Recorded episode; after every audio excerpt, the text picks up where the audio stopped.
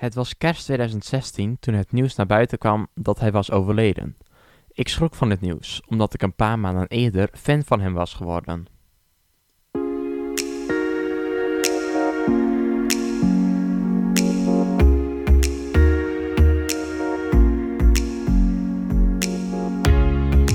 Welkom en leuk dat je luistert naar seizoen 1, aflevering 7 van Yes Fam, de podcast.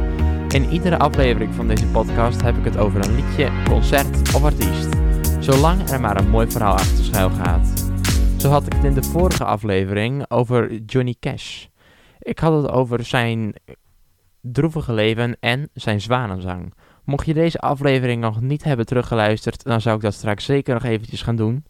Maar eerst is het tijd voor seizoen 1, aflevering 7 van Yes Fam, de podcast. En in deze aflevering wil ik het graag met je hebben over, de, over het begin van de zangcarrière van George Michael. Maar eerst heb ik nog een paar muzieknieuwtjes die mij opvielen. De broers Teun en Cas Hieltjes zaten vroeger in de band Go Back to the Zoo, waar ze onder andere de hit Electric mee scoorden.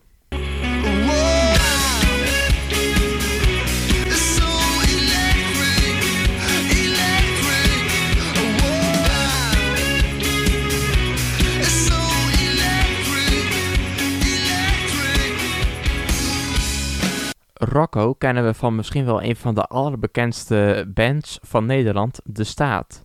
Zij scoorden de afgelopen jaren onder andere hits met liedjes als Witch Doctor, Make the Call, Leave It All en Kitty Kitty.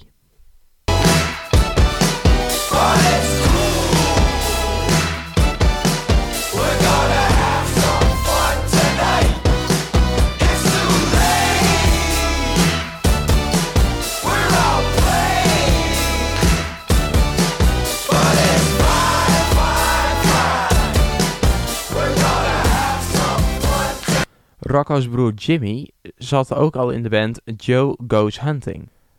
Met z'n vieren vormen ze nu samen de band 4B2M, oftewel Four Brothers, Two Mothers.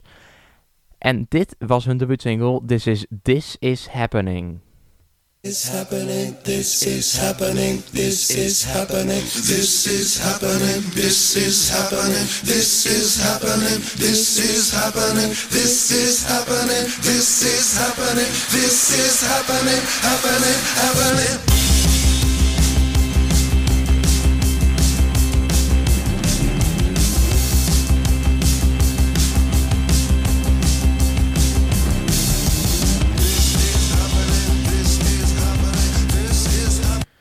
De volgende zanger leerden we in 2005 allemaal kennen door de sitcom How I Met Your Mother.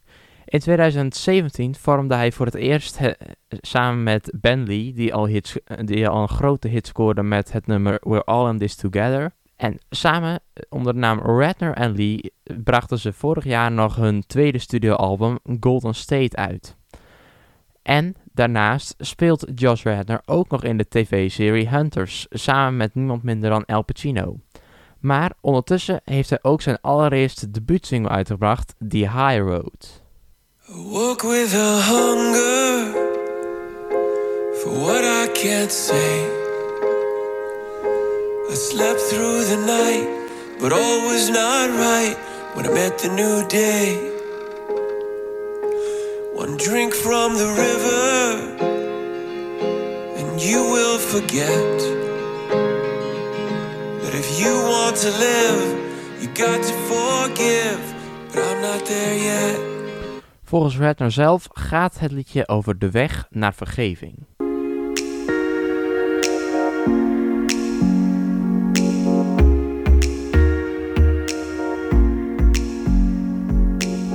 Ook heb ik nog een kijktip voor je. Het gaat om de documentaire van Bruce Springsteen.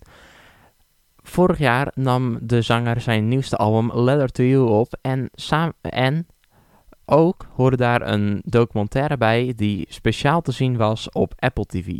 Je ziet in deze documentaire Bruce Springsteen en de E Street Band in de studio aan het werk aan hun nieuwste album. Wat deze documentaire zo uniek maakt, is dat je voor het eerst echt kunt zien hoe de band en Bruce te werk gaan.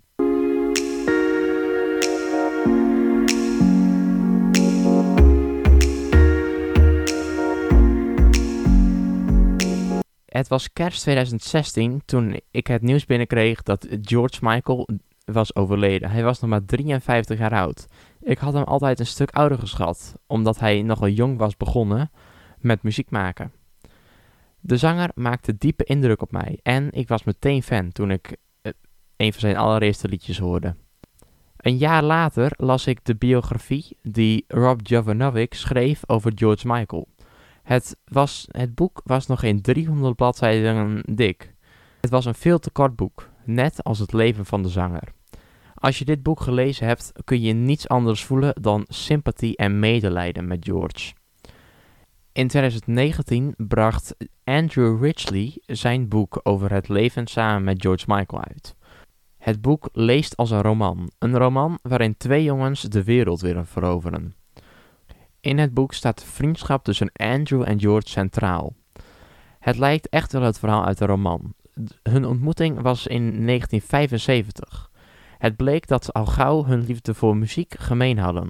Alleen hadden ze wel beide andere intenties wat ze hiermee wilden bereiken. Andrew wilde vooral rijk, beroemd en alle vrouwen in zijn bed hebben.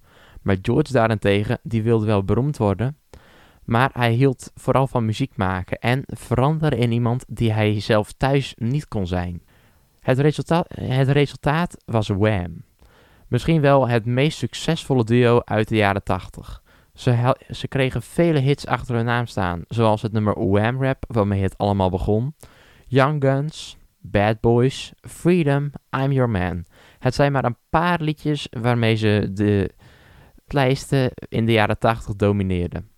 Wham ging over vrijheid en onafhankelijkheid. Het idee dat je alles mogelijk is als je maar jong bent. Zo schreef Andrew Ridgely over, hun, over de tijd dat hij samen met George de wereld veroverde. Dromen waarmaken. Het bleek al, eigenlijk allemaal een illusie. Want George Michael bleek als, al gauw het creatieve brein achter het duo te zijn. Andrew die stond er maar wat bij. Hij was meer een producer. George was de schrijver en de entertainer van de twee. En zo kwam het dan ook dat op de nieuwste single van Wham het niet Wham was, maar het werd zelfs uitgebracht onder de titel George Michael. Dit vond Andrew Ridgely geen punt, aangezien het nummer een droevige sfeer uitstraalde. En dat was niet waar Wham toen de tijd voor stond.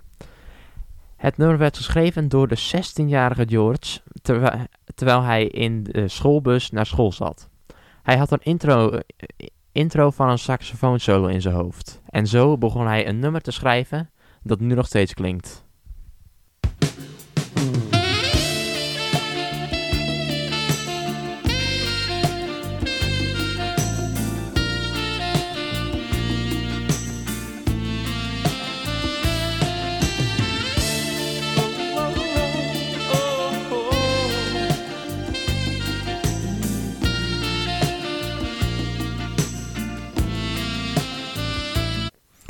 Zo klonk het deuntje dat George Michael als 16-jarige jongen in zijn hoofd had en het werd een van zijn allergrootste hits. Je hoorde George Michael met Careless Whisper. Een ander voorbeeld van dat George het creatieve brein achter Wham was, is, is het volgende. Het duo zit samen bij George tv te kijken. George rent op een gegeven moment weg naar zijn slaapkamer. Na een kwartier besluit Andrew Ridgely maar eens bij hem te gaan kijken en dan hoort hij George de laatste twee regels van Last Christmas inzingen.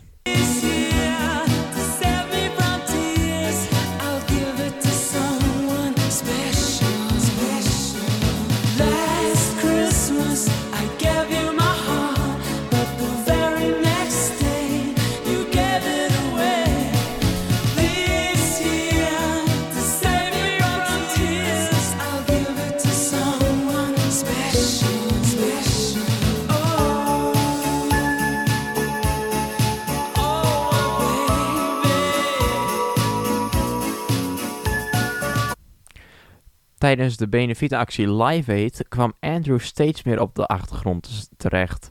Terwijl George nu samen met de artiesten waar hij vroeger de LP's van luisterde op het podium staat, komt Andrew steeds meer op de achtergrond terecht.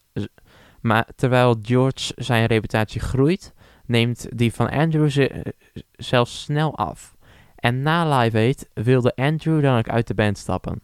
Hij wilde niet meer het succes dat nooit aan hem te danken was. George ging solo verder en bracht nog een jaar later zijn debuutalbum uit. Terwijl George en Andrew allebei wisten dat er snel een einde zou komen aan Wham, veranderde George zijn uiterlijk volledig. Van de mollige jongen met een honkbalpet veranderde hij in een soort Elvis Presley van de jaren 80. Met zijn stoppelbaardje en leren jas leek hij precies te weten wie hij was. Maar ook was hij nog steeds bezig met het ontdekken van wie hij echt was. Hij viel, op hij viel op mannen en zijn beste vriend was een van de weinige mensen die dat wist. In de jaren 80 was dit iets wat je niet kon zeggen. Zeker niet in de branche waarin George Michael werkte. Het had zomaar gekund dat zijn hele carrière voorbij was geweest als hij dit had verteld. En daarom hield hij het voor zich. Totdat hij het noodgedwongen wel naar buiten moest brengen. Maar zover was het nog lang niet. Want voordat het zover was, was er nog één keer in het Wembley Stadium de tijd om afscheid te nemen van Wham. Andrew die afscheid nam van de fans en het podium. En George die al met één voet in zijn solo-carrière stond. Maar samen namen ze wel afscheid van één heel belangrijke tijd van hun leven, hun jeugd. Of zoals Andrew het schreef, Wham stond voor vrijheid, onafhankelijkheid en de uitbundigheid van de jeugd. Het idee dat alles mogelijk was als je maar jong was. En ook daarvan namen ze afscheid. Niet alleen van hun vriendschap, ze zouden altijd vrienden blijven, maar ze zouden nooit meer op, op zo'n hechte manier samenwerken. Op die dag namen ze afscheid van hun jeugd en stapten ze beiden in een andere fase van hun leven. Andrew die een teruggetrokken leventje gaat leiden en George die gevangen raakt in de roem. Dit was seizoen 1, aflevering 7 van YesFM, de podcast. De podcast waarin ik in iedere aflevering iets vertel over een liedje, artiest of concert, zolang er maar een mooi verhaal achter schuil gaat. En in deze aflevering had ik het over de begin, eh, het begin van de zangcarrière van George Michael. Mocht je nog een leuk onderwerp weten voor een volgende aflevering, stuur me dan een privéberichtje op mijn Instagram yesfm.nl. Hopelijk spreek je de volgende keer weer. Tot dan!